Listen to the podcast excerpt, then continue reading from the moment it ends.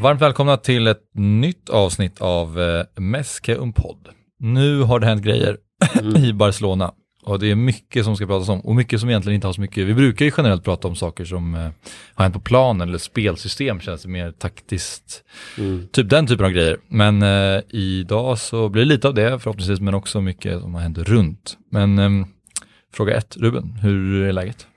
Oh, eh, nej men det är bra. Eh, vi sa det innan, mycket att prata om. Eh, hur ska vi hinna med allt egentligen? Också Mm. känslan lite grann. Så vi får dyka i helt enkelt. Eh, men det, det är fint med mig, allt är bra. Har du kollat mycket fotboll? Inte supermycket, bara så jag tittat på, sneglade på Champions League eh, häromdagen. Eh, framförallt Atletico Liverpool. Jag satt och, eh, eller man satt och hejade på Atletico såklart, eftersom man är livrädd på Liverpool. Vi pratade om det i förra avsnittet. Eh, och sådär. Men i övrigt inte så mycket. Bara så Champions League. Det har Mm. fått räcka. Och att man håller på Atletico efter eh, Robertsons på, Ja, ja, på. Anfield, den här Oh, knuffen ja. på Messi, alltså fem minuter in i matchen. Ända sedan dess. Klarat Ja, ja, svartlistan. Nej, Ja, verkligen. Marcus, Ja, är det bra? det är bra med mig. Härligt. Ja. Kul att det händer lite kring Barca, men lite för mycket nu kanske. Ja, Ja, I negativ... lite eh. Ja, det är väldigt lite som händer i positiv bemärkelse. ja faktiskt. Men eh, har du skickat ut några dundertweets på sistone? Ja, några. Några. några. Några. Mm. Men frekvensen är fortfarande lika hög och det är bra. Ja, jo, men faktiskt. Är du uppe i 6000 följare än, eller? Nej, men det kommer. Jag kollade idag senast, men jag tror att det är en 300 dit. Men vi når dit. Ja, ja. Men Innan nej, februari. Med hjälp av Meskumpodd. Ja, exakt. Ja, ja, Vårt det- det- det- otroliga det där- omfång. Det är där, det är där alla följare kommer ifrån. Ja, ja. jag ifrån. Ja. Men, eh, eh, för jag minns den första gången jag läste den här tweets så har jag för mig att det var typ så här nästan 4500. Det känns som att det, det, går, det går fort. Ja, men ibland nu har det gått fort sista tiden. Ja. Känns som att alltså, det börjar komma fler svenska följare, jag vet inte varför, men Ja, okej. Men det är ju smart måste man säga att twittra på engelska. ja, du för har att, sagt det förut. Ja, och jag, jag måste säga det igen bara för att det är liksom att du du får ju med hela världen. Det Mm. Är det säger lite sig bredare? självt, men Jo, jo, men många, någon gång minns jag att nå- några av de konton som jag följer och som jag, man ändå, ja men de influerar en på ett eller annat sätt. Liksom, Mm. Och så så att de använder en konversation med dig och då kände jag lite wow här. Det är ju Ja, precis. Marcus. Marcus här. så. Det är häftigt. Ja, och eh, det har vi också sagt förut, men eh, du, du skriver ju väldigt bra, eller liksom bra språk, vilket jag tror att gör att folk liksom tar dig på, eller liksom att Mm. man verkligen tror på det, på det som skrivs. Det är inte Mm. bara någon som skriver så här, great goal, eller Nej, det känns väldigt what a, what a pass, typ. Liksom. Ja, Absolut. Nej, men det märker man ju, vissa skriver ju riktigt, men det är olika typer av konton. Vissa Mm. vill ju vara seriösa och det vill ju jag vara. Mm. Eh, och vissa är ju bara där för banter och Mm. sådana saker. har ni några Barca eh, Twitter-konton som ni liksom har som favorit, eller som, som ni, eh, Mm, ja, bra fråga. Det finns ju Eh. några stora, man behöver inte gilla Rafael Hernandez, känner ni? Rafael Mm, Hernandez absolut. Han är ju stor liksom. Ja. Han är Sen kan ju han tycka konstiga saker ibland. han är så Enligt- extremt radikal Ja, i sina ja. åsikter. Men ändå ett måste, must follow Ja, ändå. det håller jag med om. Mm. Absolut. Så finns det ju många som nästan svårt att skilja på, är, de, är det Barca-konton eller är det Messi-konton? Det är Ja. lite, jag följer en del sådana konton, det kan ju... Men de är lika fina. Oh, ja. Oh, ja. Mest i propagandan. Helt eh, neutrala. Ja, ehm, bra. Men vi börjar väl eh, med, vi börjar i rätt ordning, vi sa det, det är mycket att prata om, men vi tar det i rätt ordning så att vi kommer rätt in i det. Eh, det första som egentligen hände i det här lilla Barca-kaoset kan man säga. Startskottet var ju egentligen att eh, eh, Erika Vidal gick ut i media och hävdade då att, ja ni får eh, fylla på här, men att eh, Barca-spelaren inte kämpade under Valverde till exempel. Mm. Ehm, och att det då som följd eh, gjorde att Messi klev ut på sociala medier, eller på Instagram, på sin story och skrev att ja, ni måste också ta ansvar, vi tar ansvar på planen och om ni ska hänga ut några, nämn namn också, ni kan inte Mm. bara säga spelarna kämpar inte. Nej, precis. Vilket man ju måste tolka som att Messi ändå var en av de spelare som inte riktigt stod bakom beslutet att sparka Valverde. Eh, Exakt. Och man får ju, och det är ju intressant i och med att Messi i stort sett aldrig, mer och mer på senare år kanske, men att han i stort sett aldrig är ute i media och svingar alls. Mm. Så när Messi säger någonting bara halvkritiskt så, så går det inte att tolka som, som något annat än väldigt eh, kritiskt. Att det pågår ganska mycket i bakgrunden Ja. helt enkelt. Och att det Mm. snackas mycket. Det är Just det, att det pågår saker i bakgrunden är helt uppenbart. Alltså tar Mm. man bara det ur sin kontext, då är det ju lite eventuellt en lätt överreaktion från Messi. Mm. Det var inget jättesjukt Abidal sa Nej. intervjun ändå kan jag tycka. Det är sant i och för sig. Men med tanke på historien Bartomeu och jag tror det är få som står bakom honom och det gör inte med sig heller. Nej. Det ligger ju mycket skit bakom. Mm. Mm. Mm. Ehm, och, men, och då blir, börjar man ju bli lite orolig, precis som du säger, Messi går ju sällan ut och gör det och han skrev ju det själv också i inlägget att så här, jag gillar inte att göra de här sakerna Nej. egentligen, men nu känner jag att jag är tvingad att kliva ut här. Mm. Och öppet kritisera ledningen på det sättet, det är skrämmande. Och apropå det som du sa, att han kanske egentligen inte riktigt stod bakom det här beslutet, han sa ju det också i den här intervjun som de publicerade igår var det va, att Mm. eh, det var liksom synd att Valverde var tvungen att gå. Det lät nästan som att så här, ja, Ja, trist alltså det är ju svårt att veta i och för sig, men det, det vi kan slutsatsen vi kan dra är att han i alla fall inte känner att spelarna hade det som Abidal spelade på, att spelarna skulle sätt ha Mm. slu, medvetet sluta kämpa för att få bort Valverde. Det skriver inte Messi under på i alla fall. Nej. Mer än så blir ju lite spekulativt. Men Mm. Jo, absolut. han, det, känslan har ju tidigare varit att, att Messi och Valverde har gått bra ihop. Ja, Men, men det är klart, lite Mm, spekulativt. mm.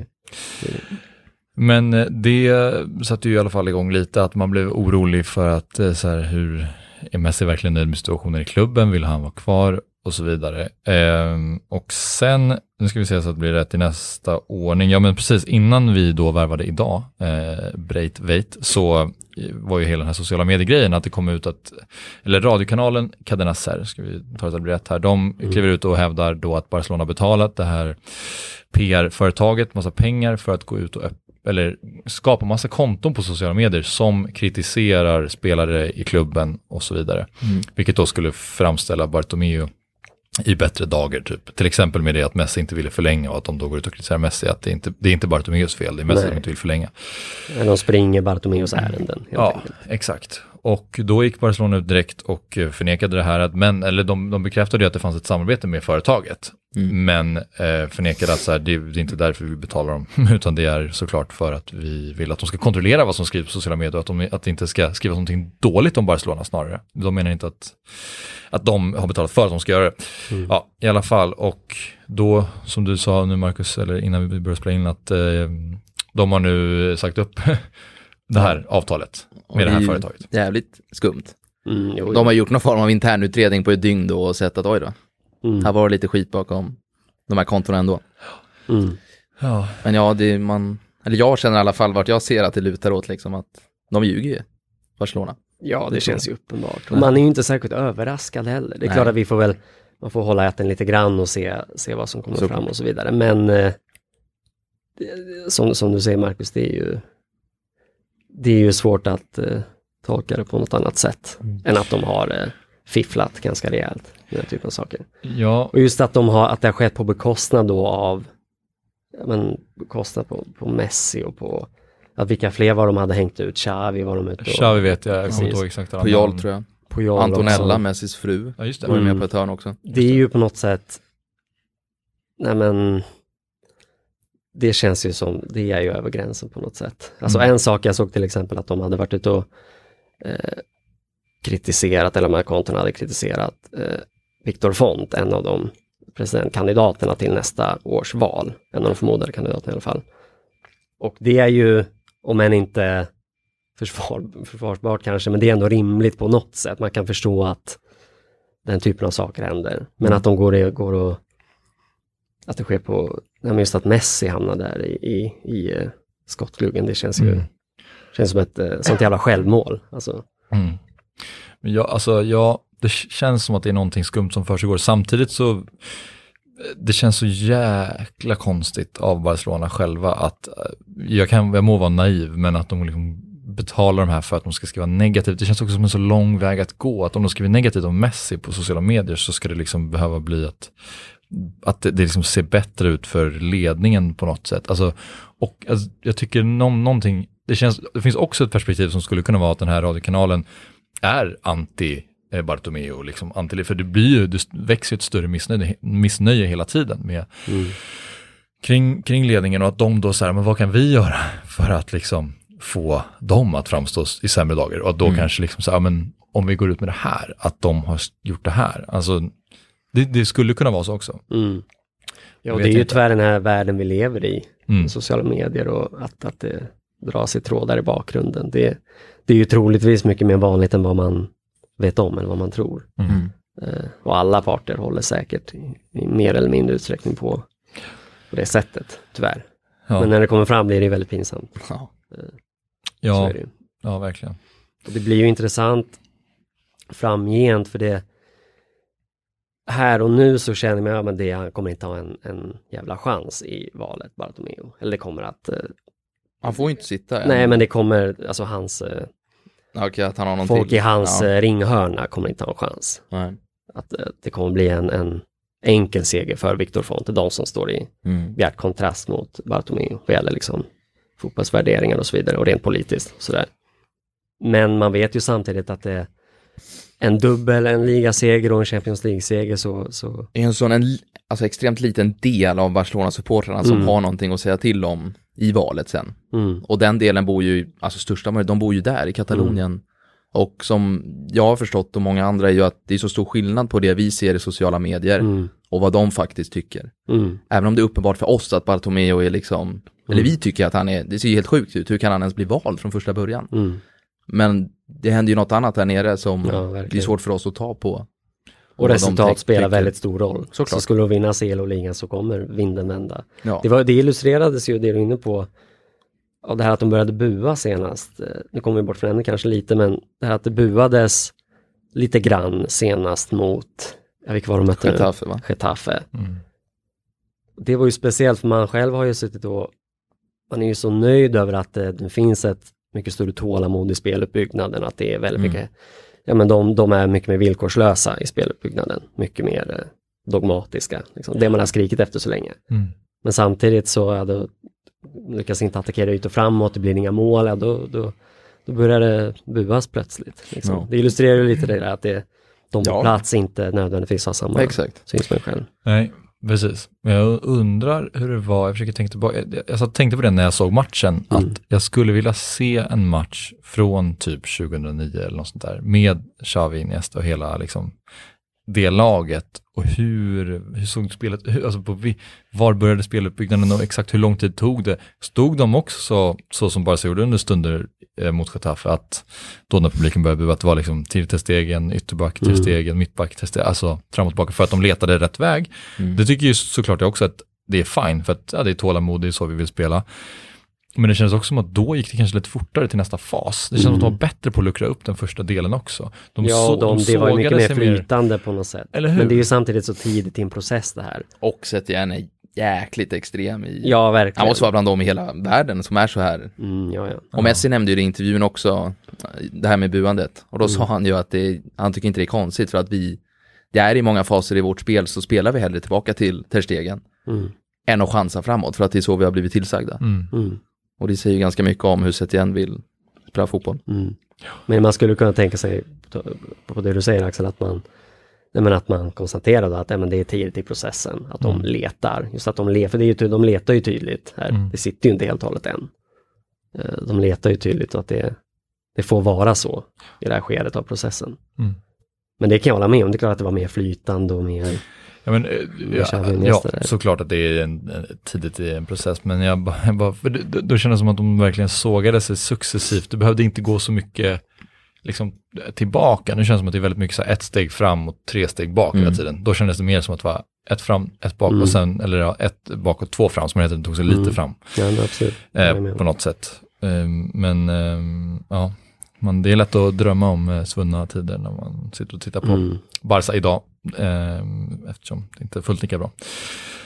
Eh, ja, i alla fall, då eh, kom hela den sociala medier-grejen upp till ytan Mm. och det blev lite, eh, eller ja, ännu mer, inte kaos i klubb, men det, det skrivs om det, om Barcelona liksom i negativ bemärkelse, att det känns som att det är sämre än vad det varit på, på jag vet inte om det någonsin varit en så här liksom, händelserik eh, tid bara den här senaste perioden någonsin i klubben, sen jag började följa Barcelona på det här sättet. Mm. Vilket är oroväckande. Eh, men i alla fall, då gick ju, innan vi kommer in på Breitveit, så gick ju då Messi ut i en eh, intervju som vi också pratat om och bemötte det här. Och jag kollade på den på hemsidan och de, den var ju liksom uppsatt med en Camp Nou-bakgrund som en kuliss i intervjun. Så känslan var ju att det var Mm. Barcelonas träningsanläggning, det var liksom Barca styrd intervju, men med en liten Mundo Deportivo-logga uppe i hörnet, som att det, är så här, det var någon journalist som hade kommit dit och skulle Ja. göra den intervjun. Där Messi då fick säga att allting är bra, min dröm är här, eller jag vill, jag vill verkligen stanna i klubben, jag vill vinna, jag, jag brinner för mycket. Och, och så här, jag blir ju såklart, man blir ju lugn själv när man läser Mm. det och man ser honom sitta där och säga det, att det inte är rykten utan det är faktiskt han som säger det. Men det känns också som att det är ganska påklistrat nästan som att han är tvungen att göra det bara för att lugna ner situationen på något sätt. Ja, det är väldigt lägligt. Så Ja. Eh, Men samtidigt som du nämnde innan vi började spela in Marcus, att det, han är ju samtidigt eh, kritisk Mm. med Messi mått mätt, Mm. även i intervjun. Vad var det han sa? Eh, Med Champions League. ja, precis. Ja, att de, han känner inte att de är tillräckligt bra för att vinna Champions League den här säsongen. Mm. Mm. Utan de måste utvecklas. Och så. Ja. Och han nämnde ju hela sociala medieskandalen och sa ju att det förefaller märkligt Ja. i, i hans eh, värld, i hans öron. Eh, och han drog det inte så långt som att säga att det är, eh, jag menar han avkrävde inte bara att de gör någon förklaring eller liknande, inte, han drog det inte så långt, men han sa ju samtidigt att vi får se Mm. vad som händer och att det, Han hoppades sanningen kommer fram. ja, Tror jag och gjorde något det, det, det känns skumt hela grejen. Ja. Och det är ju någonstans, Han backar inte i klubben i alla fall. nej, Ännu. det känns ju ganska, nyk, nyk, ganska nykter reaktion på det. Men jag eh, läste hela den här intervjun och det var en ganska lång intervju, han pratade om det mesta Messi. Mm. Eh, och de bara så hade själva på sin hemsida lagt ut eh, några citat från, eh, så jag, jag skrev ner några av de som jag tyckte var mest häpnadsväckande eller de som stack ut mest. Varav ett var eh, det som du var inne på Marcus, att eh, just nu är vi inte tillräckligt bra för att vinna Champions League. Det var ganska stort, att- eller stort men att han sa så Ja, verkligen. men det utåt, och inga visor. Ja, man verkligen. han var ändå så här, jag drömmer om att vi ska vinna och jag, det finns fortfarande en glöd där, men just nu är vi inte tillräckligt bra liksom. Och det, är väl bra att han är öppen, men det känns också lite oroväckande på något sätt, Ja. måste man säga. Men eh, jag tar några av det han sa, vissa var Det var ju också lika- innan Martin Braithwaite-värvningen Kanske nu. avslöjades. Så nu är han ju... Alltså, han får inte Nu- spela CL. Nej, just det. Men det var det.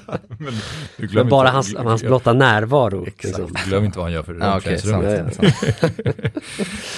Ja, ehm, jag, jag tog ut några av vissa, behöver inte diskutera, men eh, bara läser upp dem ändå. han sa att han var, väl, han hade spelat på San Paolo, apropå Napoli-matchen, och att han var väldigt sugen på att spela där och att Lavezzi då hade sagt till honom att när han spelade tillsammans med landslaget att den här arenan där kokar, de, de brinner för fotboll, så Messi hävdar då att han är taggad. Vilket ju gläder en med tanke på det vi pratade om senast, det här med att Barca är dålig på arenor där det är liksom Ja, ja. där det, där det är hetsigt. För om Barca inte klarar av Anfield eller Olympico, då känns det som att det kan bli 10-0 på San Paolo. Ja. Dock eh, läste jag nu att de har ju problem med Ultras, eh, Napoli, de är inte kompisar, Ultras och klubben. Ja, Okej. just det. Och, och de tänker ju strejka nu igen, som de gjort ganska stora delar av den här säsongen. Så de ska ju, som det ser ut nu, inte vara på arenan. Det blir kanske lite lugnare. Oj. Fina nyheter. Ja, Ja, verkligen. eller hur? Kan de Jong springa Det där och vara, slipper han vara orolig. Vem, vem, vem har sämst pannben i Barcelona egentligen? Oj. Oj. Efter Albas gråtklipp eh, där mot Liverpool så kan ju vara han. Ja, det, listan är lång alltså, tyvärr. Sergio Roberto, han, han, är ju, han springer ju oavsett. Mm. Han känns som att han klarar av det rätt bra. Ja, Han är nog De Mr Remontada på något sätt. Ja, precis. Och den Jong känns som kanske har ganska bra psyke i laget egentligen. Faktiskt. Mm. Griezmann kanske. han är också, jag vet inte. Fan är det bra pannben på alla? Han har i och för sig klarat av att mm, typ avgöra en VM-final, det är väl ganska starkt. Jag kan inte komma på honom. Han gjorde väl mål i VM-finalen på straff? Vem då? Griezmann, eller? Jag är så jäkla dålig på Ja, ja, det gjorde han. Ja. Det, det minns jag för att han gjorde sin Fortnite-dans Just det, exakt. som målgest. Och jag brann. I så fall. Men sen blev han klar Och tänk, tänk om Messi, om Messi hade gjort mål i VM-final. Vad annorlunda det hade varit. Alltså, Sen kom inte fan hade han gått och kört en dataspelsdans. Glitterbomben i Barca-debuten var ju också rolig. Ja. Den gillade jag i och för sig. ja, det gjorde också jag. Ja, Men, vilken eh, hycklare man är. Men den, det, det är ändå skönt att när Messi väl vä- väljer att göra en så här, nu ska jag göra en ballmålgest, då, Mm. gör han, då gjorde han alltså den här tröjan mot på Bernabéu. Ja, alltså, det den är- det är så, det är Ja, den är- fantastisk målgest. Den är svårslagen. Ja. Eh, som det skulle stått på alla hippa sociala mediekonton, iconic. Så står det så här, oavsett, oavsett vad det är, det kan vara liksom så här, någon norsk division 2-spelare som gör ett halv, en halvvissa iconic moment. Ja, Han, eh, som du också var inne på Marcus, Me- Messi säger i intervjun att det är högre press med Setien, alltså spelet. Alltså dels så hävdar han det, så det finns mycket skillnader, men en av dem är att vi spelar mycket mer med Ter Stegen och från Ter Stegen, men också att vi spelar med mycket högre eh, press och återerövring. Mm. Är det någonting som ni känner att ni har sett tydligt? Ja, det, det, eller så här, de har haft så väldigt högt bollinnehav att det, det har ju återerövringen har inte alltid varit jättetydlig, men absolut, det har man ju sett. Men det mest tydliga är ju hur, hur tålmodiga de är i, i speluppbyggnaden. Mm. Och jag kan tycka att det är så synd, för jag tycker att det är så mycket som stämmer. Det är klart att de letar lite fortfarande, det är mycket som fortfarande inte sitter helt. Men jag tycker ändå ser väldigt bra ut just i speluppbyggnaden. Och då får man ju tänka på att de har mött lag som har som har eh, klivit på Barca väldigt högt upp i planen. Det har överraskat mig lite. Särskilt efter Valencia-matchen. För där la sig ju Valencia lågt och Barca fick ju väldigt svårt att bryta det mönstret. Det blev där handbollsfenomenet var sida till sida utan att komma någon vart och vänta på att Messi bryter mönstret. Och Valencia vann ju med 2-0, så jag såg framför mig att äh, det här kommer lag att se och det kommer bli tufft för Barca. Eh, Men tvärtom så har de klivit på högt och den biten tycker jag Barca löser jättebra. Det är ju snarare i nästa skede som det känns lite trubbigt helt enkelt. Med Ansu Fati och med Griezmann som inte är den där mot den spelaren utan Suarez, utan Dembélé. Mm. Så det jag, jag har tyckt varit, det har varit överraskande att eh, lagen har klivit på så högt faktiskt. Mm. Eh, Men också frustrerande att Barca inte kan utnyttja, sen ta sig till fler och bättre målchanser när de löser speluppbyggnaden på ett så bra sätt. Så det är synd att det sammanföll skadorna och sett igen på ett sätt. Man hade velat se sett igen spel och sen också Ja, det Dembélé eh, där så, så han får Exakt. liksom förvalta det, det fina, den fina speluppbyggnaden. Ja, nej det är verkligen så att om, om Setien lyckas liksom sätta hela spelmodellen med Mm. den trupp, den liksom sköra trupp som finns nu så är det ju ett kvitto på att det kan bli betydligt mycket bättre också. Mm. Får man lov att säga. Um, Messi sa även att eh, de eh, gick in på Neymar. Att han hävdar att Neymar vill komma tillbaka, står i intervjun, vilket är ganska så här, stora nyheter. Mm. Och att han, eh, vad skriver, just det, att han är ledsen för att han, liksom, han saknar Barca typ. Att han är ledsen Ja. att han drog. Men han det- har det- ju i stort sett sagt det, det sa han ju i somras i och för sig. Ja, Precis, det är inga nyheter, men att Messi liksom ändå bekräftar det och att det fortfarande är så, att det liksom är är än idag. Och jag hörde idag på jobbet att, att Neymar inte ska spela returen för att hans syster fyller år. Har ni hört det? Alltså, nej, det, låter ju bisarrt, men det har ju varit så här flera år nu. Ja, att han har precis. varit skadad. Men typ. var, var det inte så att han missade någon match nyligen på grund av att hans syrra... Ja, han missade en match för att han själv hade Han födelsedagsfest. ja, så han fick dispens. Han festade lite för hårt eller någonting. Ja. Och, och att det var tydligen att hans eh, systers födelsedag eh, bara, det var liksom som en slump så sammanföll det med karnevalen i Rio. Alltså om det händer att han inte är med i returen på grund av det, då Ja, är det ju... Hur sjukt är inte det? Nej men är det ju bara, alltså, Men jag, jag, när jag hörde det så var det så här, men kan det stämma? Men de som pratade med mig var så här, jo men jag har läst att det ska vara så typ. Att, att det är liksom två dagar om året som han har dispens typ och inte spelar. ja, jag tror han kommer spela. Eller hur? Annars blir jag arg, Men för jag gillar annars- Neymar, men Ja, det Fan, ju, alltså. ja men tänk som PSG-supporter. Det minns jag att jag tänkte i somras att, han är redan hatad. ja men att det är så märkligt. Jag, jag tänkte så här att nu han kommer gå, han kommer lämna PSG och komma tillbaka till Barca. För att fansen kommer ju naturligtvis inte acceptera en spelare som öppet går ut och säger att jag vill härifrån. Eh. I synnerhet en, deras nyckelspelare som ska, deras anförare på något sätt. Mm.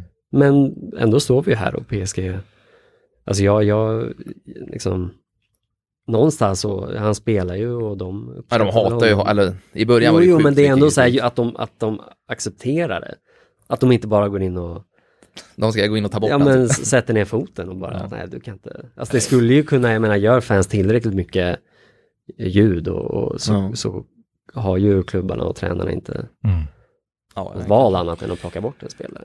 Alltså, Han, fansen har ju till syvende och sist makten. Mm. Alltså, han eh, gjorde ju visserligen mål nu mot Dortmund, men han såg ganska, han ser lite fet ut. nästan lite fet ut och lite, alltså, Eller är ja, det skägget, det här nya skägget han har som... ja men han ser, li, han ser nästan lite rundare ut. Det var ju en bild eh, om just det här, att han, har, Ja. att han har lite mage. Det var det? De Ja, har som det liksom. zoomar in. Ja, precis. Men han är ju alltjämt Ja, otroligt bra. tycker han är- Alltså, det, Ja, ja, det gud. tycker jag Han är fortfarande lika lätt i steget.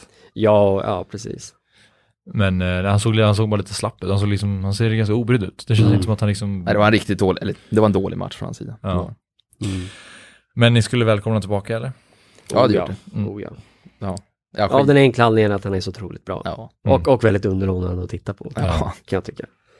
Eh, sen Och- sen och- köper man ju att det, det är många som tycker annorlunda, men Ja, jag vi- personligen tycker jag. Eh, Och det faktum att Barca kanske behöver någon som kan göra det lite själv, som kan avlasta Messi lite. Ja, jo, ja. Alltså Griezmann är en stjärna men han, är inte, han tar inte bollen och dribblar fyra Nej. pers. Han är bara en smart spelare. Liksom. Det är ja, det han har. Ehm, ja men sista citatet från Messi, han sa också att ehm, han uh, känner sig bättre overall than previous seasons den här Mm. säsongen. Ehm, vilket är så sjukt att han säger, ja men overall så känner jag mig bättre, bättre på allt och, eh, jämfört med tidigare säsonger, för tidigare säsonger har varit så mediokra. Ja, kan han liksom precis. bli bättre. Men det var i alla fall också glädjande att höra inför Ja, den här stundande Champions League-våren, att, att, han, att han känner sig fysiskt bra och Ja. bra liksom uppenbarligen. Ja, sa det har ju- skrivits lite om att han inte skulle ha varit helt fit de senaste. Ja, det kanske precis. inte var det han syftade på. Men, Nej precis, han kanske mer syftar på att spelet känns bättre. ja, precis. Typ. Men det är ju, nu är man i en situation igen där, där, där Barca står och faller med Messi. Skulle han försvinna nu, Ja. någon skada, Mm. då är det, det är alltid tungt, men nu hade det varit extra tungt. Ja, då, är, då är ju Napoli favoriter typ. Ja, alltså, ja men typ. Ja, med Ansu Fati, men han är mer spännande, men inte så att han går in och Han och vinner Champions och League åt oss. Alltså. någonting. Nej. Ja, nej men eh, så det var, det var ändå så här, nog, han, han var ändå hyfsat eh, transparent och givmild i den intervjun, så den kan jag rekommendera att gå in och, och läsa. Men eh, nu ska, kan vi gå vidare då till det som hänt idag, att Breitveit, dansken, är klar Mm. för Barcelona. 18 miljoner euro kontrakt, som vi pratade om innan, till eh, 2024. Eh, och då Barca köpte då loss honom ehm, och nu har Barca lagt till en egen utköpsklausul på 3 miljarder svenska kronor. Rimligt. Fullt rimligt. Vad säger ni om värvningen? Och jag vill börja Marcus. Jag vet inte vad jag ska, det är ingenting positivt ur det här, helt ärligt. Alltså inte från någon håll. Kanske Braithwaite tycker det är skitkul att komma till Barca. Mm. Men det är väl typ det enda. Leganes är inte glada, fansen är inte glada. Klubben kan väl fan inte vara glad eller? Jag vet inte, det är, han är ju medioker. Ja, alltså det är ju precis. Man kan ju inte- vända och vrida på det, men, men till syvende och sist så är han ju för dålig för att spela i Barca. Ja, Inget, han liksom är väl en habil La Liga-anfallare så i undre mittenskiktet. Så. Ja. Alltså han är ju, han är ju hyfsat snabb.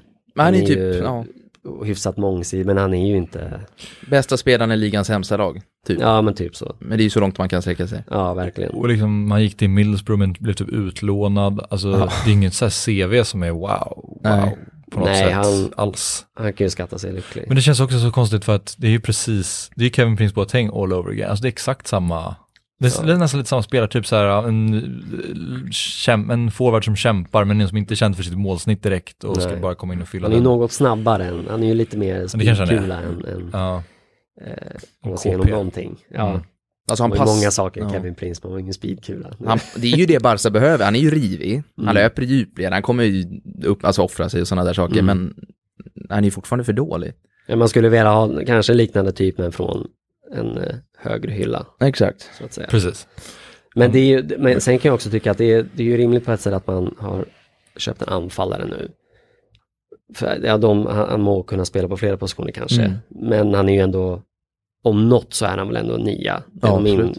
min bild av honom, utan att ha sett jättemycket på Leganes. Men jag kan tycka att, och det, det är på tal om det, det du sa förut Axel, att det, jag hade valt en utpräglad yttermittfältare än, än, än mot en spelare. För det känns som det, det behovet, Ja. där, eh, det, det, det är där skon klämmer för Barcelona lite nu, när Dembélé inte finns. Messi är så tydligt den enda utpräglade en mot en spelaren som kan bryta mönstret på det sättet. ja. Och Griezmann kan ju spela nia. Så jag förstår inte att man har gått efter en nia Nej, eh, faktiskt. nej. Eh, så även, även på den fronten känns det fel. Inte bara är han för dålig Nej. Eh, across the board, han är, han är också fel position. Ja, för nu har de ju flyttat fel. in Griezmann centralt.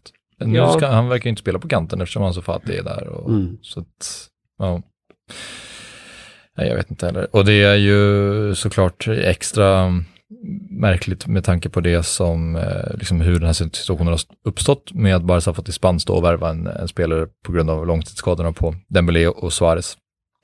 Och då bara plockar honom från Leganes som då blir utan sin ja, kanske en av, deras, en av de bästa spelarna i deras lag och de är liksom i en Ja. utsatt situation och behöver all, allt de kan få. Och de har redan tappat sin andra forward, en Nesri till Sevilla. Just Så de har blivit av med sitt forwardspar. ehm, som har gjort 50% minst av deras mål. Och de, han blev de av med under fönstret. Ja, han köptes av Sevilla. Så Okej. det var, Det var regelrätt. Exakt. liksom. Ja. Det här är ju också Det- regelrätt. Det var ju regelrätt, Men, ja, eh. Men det är ju skumt, hela grejen är ju, det är en märklig regel. Ja. Som jag inte visste fanns innan, konstigt. innan det här, Nej. ska jag ärligt säga. Nej, Det känns ju, inte, jag, minns typ när Ivan Turina gick bort att AIK fick så här, ah, dispens för att värva en, ytterligare, en ny målvakt Mm. eh, för att, så här, vid, en, vid en sån situation. Men att det var så här, om du har en långtidsskada, gå, gå och köp någon från Irländska Ja. Ja. Det, det låter så och lätt. att Leganes inte i sin tur får dispens att köpa en För det tillät inte regelverket. Nej, det är tydligen. ju, Det är så otroligt smal regel som... Mm. och de är ju förlorarna i det här. Jag minns det sagt. Jag läste att deras vd hade sagt att så här, vi tolkar regeln som att båda parterna måste vara överens om övergången åtminstone. Vi vill ju inte bli av med honom, men Mm. nu blir vi det ändå. Och att han sa att så här, vår, nu är vår situation bortom reparation. Det var Mm. så, så, här, gro, eller så grovt uttryckt att Ja. man känner ännu mer. Nej, de ligger ju näst sist. Och Ja, de det är ju troligtvis kommer de att åka ut på grund av det här. Ja, ja. Så alltså. långt kan man ju faktiskt dra det. Och att så här, skicka upp någon junior istället för Braithwaite. Det känns helt Mm. poänglöst att sätta in, alltså om, det, om nu situationen är så här prekär, ja då får vi väl lyfta upp med folk från, från Ja. yngre leden. Alltså annars, när ska de annars få chansen? Om vi alltid panikvärvar någon. Ja. Mm. Sen kanske inte, såklart, det kanske inte finns någon som de tycker är tillräckligt bra. Det, Braithwaite är förmodligen kanske bättre då än den person som skulle fylla den luckan. Men de är ju, vad heter det, Kalles Perez gick ju på lån i januari, honom skulle vi kunna kanske behållit istället. Liksom. Ja, Ja, ja men nu när det ändå blev Braithwaite så, Mm. så känner man ju att då kunde det lika gärna varit någon. Sen att man ju en, letar eh, efter en, en ny spelare, det kan jag ju förstå. Mm. De sålde en av sina yngre nior, Abel Ruiz, Mm. som har varit på tapeten länge och Mm. hypad och sådär. Ja. Man gick ju till Braga, Som är såld. såld. I, eh, de värvade den här portugisen Trincao också. Mm. Eh, Som ser rätt spännande ut faktiskt. Det gör han. Ja. Så de gick ju mot motsatt håll i lite olika Ja. affärer. Men... Mm. Men Abdelriz hade ju varit ett, för han har ju inte fått en ärlig chans. alls. Nej, och han verkar ju ha... U21 landslagsspelare. Ja, och- exakt. Han verkar stagnerat lite enligt de som följer honom, men ändå, alltså vadå, han hade ju kunnat gjort en, en truppplats liksom. Ja. Mm. Kanske är sämre än Braithwaite, jag vet inte, men det är inte någon superskillnad, antar Nej, jag. precis. Utan att ha sett Double Ruiz alls sista åren typ. Nej men det är lite, jag håller helt med, det är lite eftersom när det ändå blev, Braithwaite är ju ingen superspelare. Och Braithwaite får, nej, han får inte spela Champions League. Det är bara de här 14 ligaomgångarna som är kvar. Mm. Alltså, startar han mer än fem matcher, då blir jag förvånad. Ja. 18 miljoner, det är ju rätt mycket pengar ändå. Ja. Alltså, ja, ja, det är I klart. sammanhanget. Det det. Det var ju, Kevin Prince Boateng var ju åtminstone Nej, exakt. gratis. Det var ju fördelen med den dealen. Ja, Nej, det var, ju ja, mer man tänker på det desto, desto sjukare framstår det hela. Ja. Ja, ja, men jag försökte kolla upp exakt vad den här uh, regeln, eh, liksom hur den lyder. Lyckades inte riktigt få fram liksom, den paragrafen så, men jag läste i alla fall att två av fem kriterier är då ja, att eh, skadan måste vara över fem månader, Mm. eh, rehabiliteringen, liksom, ja, spelaren måste vara borta över fem månader och att det måste vara från samma liga. Det var de två parametrar jag lyckades hitta, men det kändes också för, jag undrar vad de tre ytterligare är i så fall, men ja, det var ju de uppenbarligen som man har vänt sig mot. Mm. Men det känns också för lätt nästan. Det känns som att det borde hända ganska ofta att spelare... Ja, precis. Att det här är första borta. gången, att man inte hade koll på den här regeln tidigare. Ja. För det hade inte jag, det, och det kanske är min okunskap. Nej, säger om jag mig kanske, men jag hade faktiskt ingen koll på det. Nej. Och två skador. Jag läste att den dock eh, hade, har använts tidigare i La Liga i år. Det var en, Mm. en annan värvning, jag kommer inte ihåg Det vilken. var Zaragoza som hämtade det. från Alaves. Alltid, jag vänder mig Råk, os- råkade. Osäker så vänder jag mig bara- Ja, det är bra. Ja, du ser. Så att det, det är ju faktiskt inte bara Barca det. som, Nej, som utnyttjar regeln, men det är klart att det blir större nu. Nej, det är ju därför jag, för folk har ju ifrågasatt Barsas roll i det här. Mm. Och jag tycker att det är helt rätt av Barca att utnyttja regeln när Mm. den finns. Exakt. Jag fattar att det är skitjobbigt för Leganes. Men det är ju fortfarande en sport, det är ju sjukt mycket pengar. Alltså, Barca har ju möjligheten att göra det, gör det. Jag tycker det är lite mycket att Barca hängs i sociala medier tycker faktiskt. jag är helt sjukt. Folk är på Barca och det, det är förståeligt på ett sätt men det är ju faktiskt som du säger, det är ju en Det är ju regel regeln som är knäpp. Regeln Ja, är ju exakt. helt orimlig. Det köper jag. Mm. Men inte Barcas agerande. Jag tycker inte de ska tänka på Leganes, helt ärligt.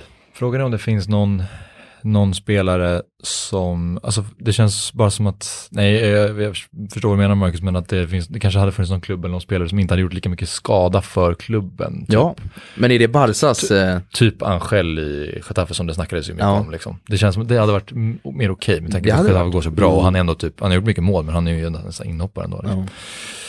Ja, det blir ju lite David mot Goliat-grejen. här. Mm. Ja, nej men då har vi honom i laget i alla fall. Det. En dansk. När hade Barca en dansk senast? Det var någon jävla lista som jag såg idag, men det var ju länge sedan. Jag såg också Ja. att det var femte dansken. Exakt, inte många. Laudrup är den enda Det är typ han. också. Ja, det, han är det den kan vara han som är senast. Alltså. Ja. Om jag inte missar någon uppenbar. Men...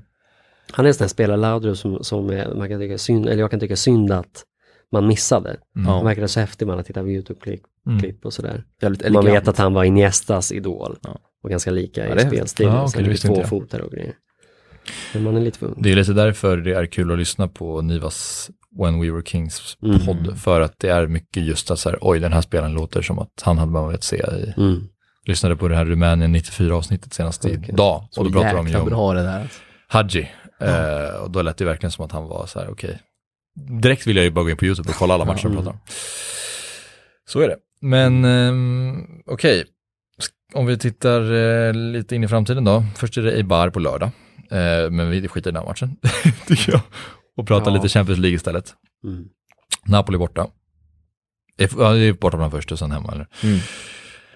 Vad, har ni några spontana tankar? Ja, men vad har vi på Napoli nu? Alltså de, de har ju slitit rejält i år.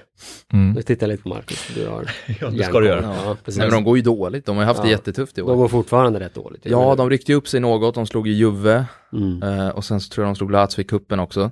Mm. Det blev ett uppsving. Det var ju två matcher i rad. Ja. Men nu, alltså de är ju upp och ner alltså. Ja. Och det är ju, ja.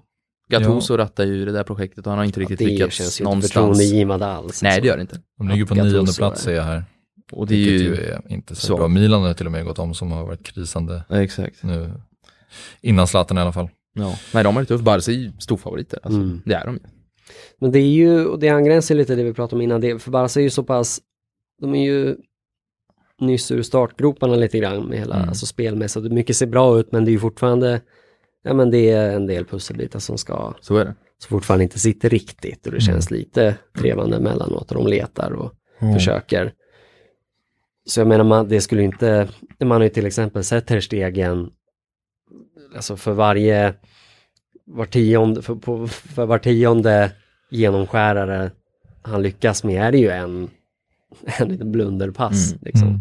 Och när det står, när det är ett dubbelmöte, det är Champions League-slutspel, det är väldigt små marginaler, det vet man ju. Så absolut. man är ju rädd för att, eh, på, man är på en och samma gång väldigt, jag ser väldigt mycket fram emot att se det här kompromisslösa Barca, man är också, man kommer ju sätta hjärtat i halsgropen när Napoli pressar högt och kommer försöka straffa det här nya Barca i deras speluppbyggnad. Men Barca kommer att insistera på att spela kort och igenom. Och, Mm. Så man är lika delar spänd och orolig för det. Verkligen. Jag, eh, jag, det är nästan så att jag känner att jag hellre hade varit, haft liksom Valverde hela säsongen så att de bara kan backa sig hem till någon form av okej resultat den här säsongen och sen låta igen liksom bygga upp det under försäsongen. För att börja det här projektet nu, mid-season, med. känns så jävla jobbigt och just att säga Napoli är borta och så ska de spela, som du säger, Mm. spela sig från Ter på Sao Paulo, alla kommer busvissla. Alltså. Ja. Ja. Ja. då- det- Och då återvänder man ju återigen till det här varför skedde inte tränarbytet i somras. Så Ja. jäkla är obegripligt. Ja, det, nu sitter man ju i, i skiten lite grann. Å Mm. andra sidan så skulle bara så här, kan man skynda på den här processen och kan, de här pus, kan man sätta de här pusselbitarna så är ju så är, ju, så är det ju plötsligt är chanserna eh, bättre än vad de var tidigare. Mm. Eh, än de var under Valverde. Men det är ju, det är ju, ja, det är ju svårt där i och med att man är så vinklippt offensivt också. Utan Dembélé och utan Suarez så känns det ju Mm. trots att de kanske hinner längre än, än förväntat i den här den spelmässiga processen, alltså hinner sätta de spelmässiga pusselbitarna så är det inte nödvändigtvis så att så har de kanske inte ens truppen för att ändå vinna och komma riktigt långt i Champions League. Nej. Så det känns ju på ett sätt lite lönlöst. Um, Ja, faktiskt. Ja, å andra sidan Messi så. Messi och har Ja. han en till supersäsong så Ja, han har hoppet hänger på. Igen. ja, återigen. Det, frustrerande att man, att man har hamnat här på nytt.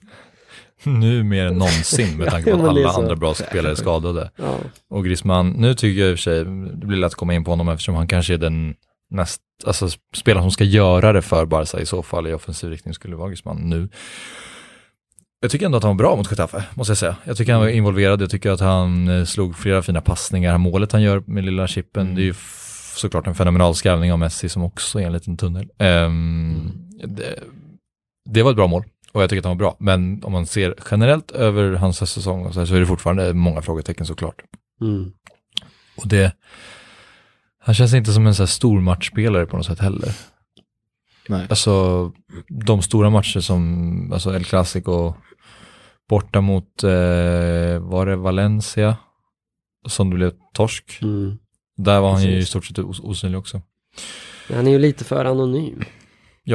Han har ju inte den X-faktorn över sig. Han är inte någon bra haft. dribbler, han är inte snabb, alltså Nej. Nej, han är ju inte den spelaren som Nej. kommer avlasta Messi i det avseendet. så är det inte. Och det visste man ju på förhand faktiskt. Ja, Men han har ju. varit mer osynlig än vad jag trodde han skulle vara ändå. Mindre involverad i eh, överlag. Liksom. Sen kan jag tycka att han har, håller jag med, jag tycker att han har varit, gjort bra matcher också. Men tycker ni att man räknar statistik för mycket? Att de bedöms uteslutande på mål och assist? typ Coutinhos fall också liksom. Och, men och då Griezmann. borde Griezmann, alltså han har ju ganska, jag känner mer att hans spelmässiga, att det är det jag tycker är sämre än hans faktiska målfacit och poängfacit, som är Ja. ganska bra Jag tänkte det Alltså- då, han har ju, om något han har ju bättre än vad, poängfacit än vad han har än vad det ser ut. Exakt. Han har, Ja men det, det Om han har gjort typ tvåsiffrigt, ant- har han gjort tio mål eller något sådär eller? Ja, något, I alla tävlingar är det nog det. ja, han Jag tror det kan vara typ nio, ja jag vet inte, men det är Jag ju, Och en del assist på det. ja han är ganska Ja, respektabel poängsnitt liksom. Det är ju snarare spelmässigt, rent prestationsmässigt, som man känner att det finns en del i övrigt att önska. Ja, det är...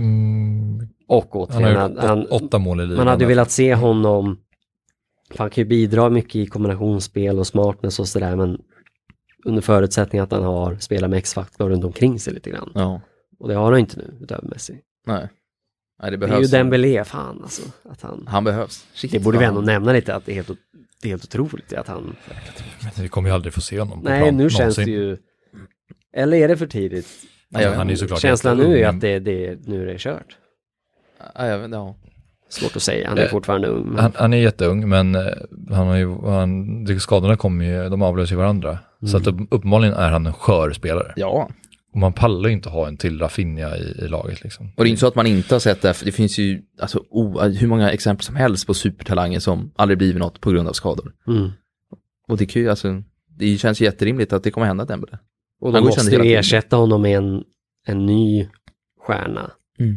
förr eller senare bara. Så man kan ju inte sitta och Nej, precis. hålla tummarna för att han ska komma tillbaka om nästa säsong eller säsongen efter det. Alltså det är det, är ju, det, är ju, det är ju Barca vi pratar om. Det är Ja. ju skyhöga krav. Ja, bedrövlig värvning alltså. Egentligen. Alltså, Ja, Just med facit i hand så. Jo, precis, men även att, lite innan med tanke på att jag tycker inte att han passar sig jättebra in i Barcas spelsätt. Nej. Nej, det var ju kritiken på förhand. Ja. Ja, och sättet som det värvades på, återigen som det alltid är nu för tiden, att liksom, Mm. han vägrade träna och Dortmund var arga på Barca och det var hela den. ja, det var röda flaggor. Ja, man var ju Ja. kritisk, det var, det var man ju. Men samtidigt så hade han ju en del prestationer när han, ja, den här säsongen till och med, eller åt- förra säsongen, jag tänker på Chelsea-matchen till exempel, när man ändå, då hade- fick man ju känslan, shit det här, med tanke på hur ung han är, att det här är en spelare som kan växa ut till, Han är ju, alltså, ja, när de kom fram, Dembele vs Mbappé, det var ju en diskussion mm, för två år sedan typ, tre. Det är. Nu är det ju inte det längre. Nu men- typ Haaland Mbappé. Ja. ja just det. Um, men jag har funderat lite på, tror jag pratade om det i förra avsnittet också, jag kanske pratar om det hela tiden, men, men alltså Liverpool är ju ganska, de är väldigt dominanta just nu, de är hur bra som helst, och, och Klopp har liksom fått till det, och det känns som han är att han, han har ju värvat utifrån exakt på det sätt han vill spela. Han har liksom fyllt pusselbitarna en efter en. Där ska vi ha honom, där ska vi ha honom för han gör det här jobbet och han tar den löpningen och så. Det känns ju som det största bekymret kanske i Barsas värvningsstrategi, att man första pusselbiten är liksom rätt tränare. Vem vill spela det spel som vi vill, alltså Barsas liksom identitet. Sätta den biten och sen får den tränaren då värva in efter så här, jag vill ha en Arthur typ, Mm. plockar vi in honom. Det är typ den enda vettiga värvningen, så här, de Jong också kanske. Mm. Men sen är det, sen är det bara påfyllda med så märkliga Breitweit och sånt som bara, som, som bara ska liksom släcka bränder på något sätt. Mm. Och det har varit så mycket eh, liksom brandsläckande på uh, sistone som gör att man bara känner att de tappar mer och mer grepp om vad som egentligen är tanken typ. Ja, ja. Nej, men det här, och det här, den här kritiken går ju tillbaka sedan Precis, det börjar ju långt många bak. år. Ja. Och Det är verkligen, det är ju osannolikt eh, svagt. Mm. När började, alltså, det här Gomes-fönstret med Digné, Paco och Gomes, Mm. då, det var väl, eller tänker du ännu längre tillbaka än det?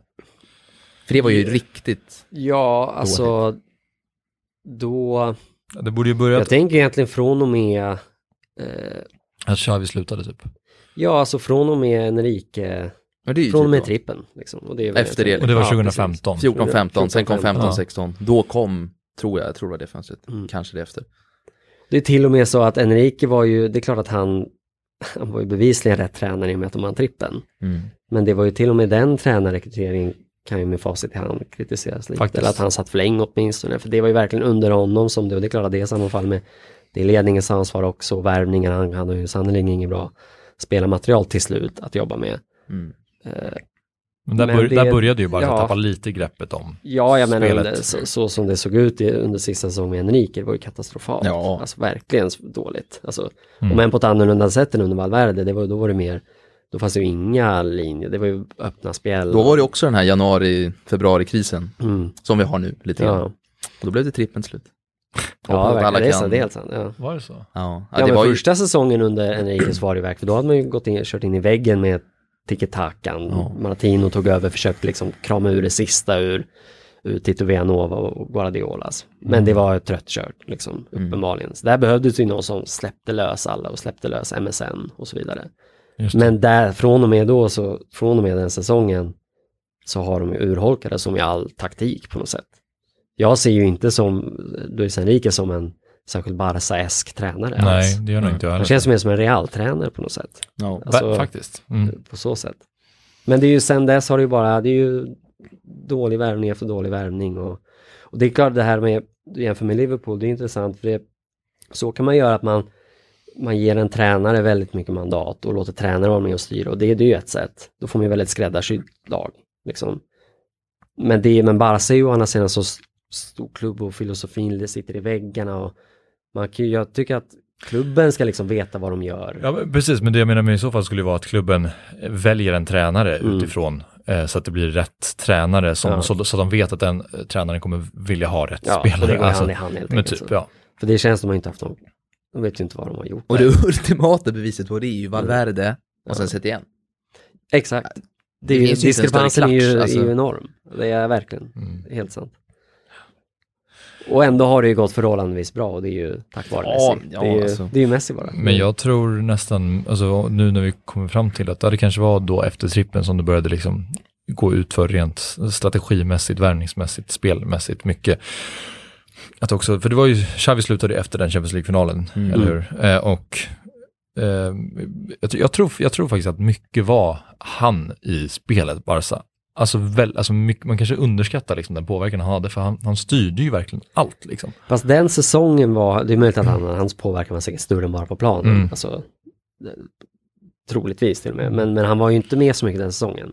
Nej, okej. Han var ju till och med, alltså han var ju inte startspelare rakt igenom faktiskt. Utan Var det ju- Busquets, Rakitic, Iniesta mycket? Ja. ja. Alltså Rakitic kom det, in där och var Rakitic var ju det var ju Rakitic viktigt. bästa Han har varit där länge. Ja, där. Då var han ju slit, han var ju nästan såhär Keita-rollen lite grann, Ja. alltså komplementet till de två spel.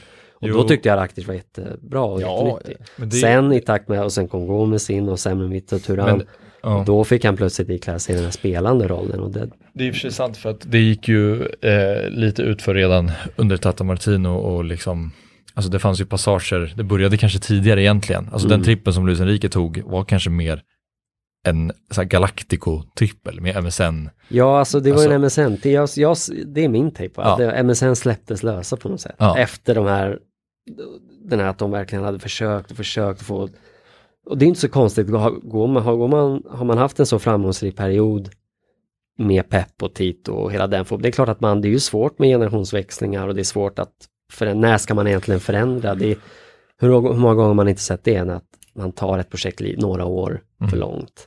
Det är som en serie, borde ha slutat liksom några Mm. säsonger tidigare. Men det är ett ganska vanligt fenomen. Ja. Men det är så känns det ju med facit de- Men efter Champions League 2011 då, alltså att det var då, vilken, säsongen efter, då gick det väl um, rätt uh, uselt va? Eller uselt och uselt, men Ja, då vann ju Real ligan. 11-12 alltså. 11-12. jag blandar ihop alla säsonger. Jo, men det var, då vann Real ligan och Barca åkte ut CL mot Chelsea i den här eh, helt galna Är det Torres runda Valdes? Torres-rundan. Men den säsongen var ju Barca fortfarande väldigt, väldigt bra. Mm. Det var ju- Mourinho att han lyckades. Och delvis då Messi gjorde de här 91, han gjorde 91 mål Ja. 2012. Ja, just det. Det var ju första halvan av det rekordet, precis. Ja. Precis. Precis. Så det där var ändå Barca fortfarande Ja, bäst. men Alltså, då, då hittar vi någonstans kanske att det var 2013, 2014. Ja, ja. Jag är på jakt efter ett, en Nej. säsong där det liksom, Jo, där vi, men där alltså vi tappade när greppet. Tito Villanova gick bort, liksom. Men är det inte, för Messi hade ju en Messi-mått med ett usel säsong någon gång där. Var det 13-14 tror jag? Sen kom 13-14, VM, Det var var. Tata Martino-säsongen, ja. Ja, Precis.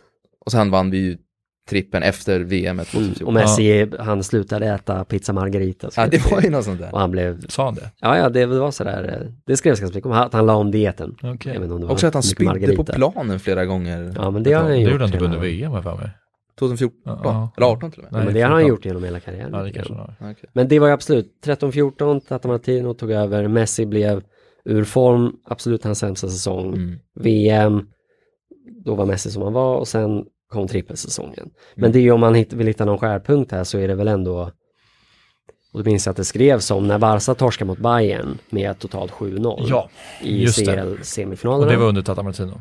Ja, det var ju, då var han sjuk, så då var det ju under Jordi, vad hette han, eh, Ja, Så pass till och med.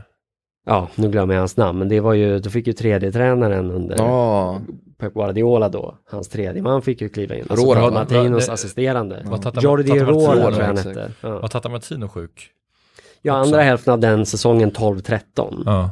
så var ju, så var ju, blev ju Tito sjuk. Villanova. Ja, precis, men nu pratar Tata Martino, Han, Förlåt. ja, för det var Tata Martino som var tränare väl under den. han var aldrig, han var Nej, inte. nej, nej, han kom Nej, precis, säsongen han var inte efter. sjuk. Jaha, han- det, var, det var Tito Villanova som var tränare under Bayern München, 12-13.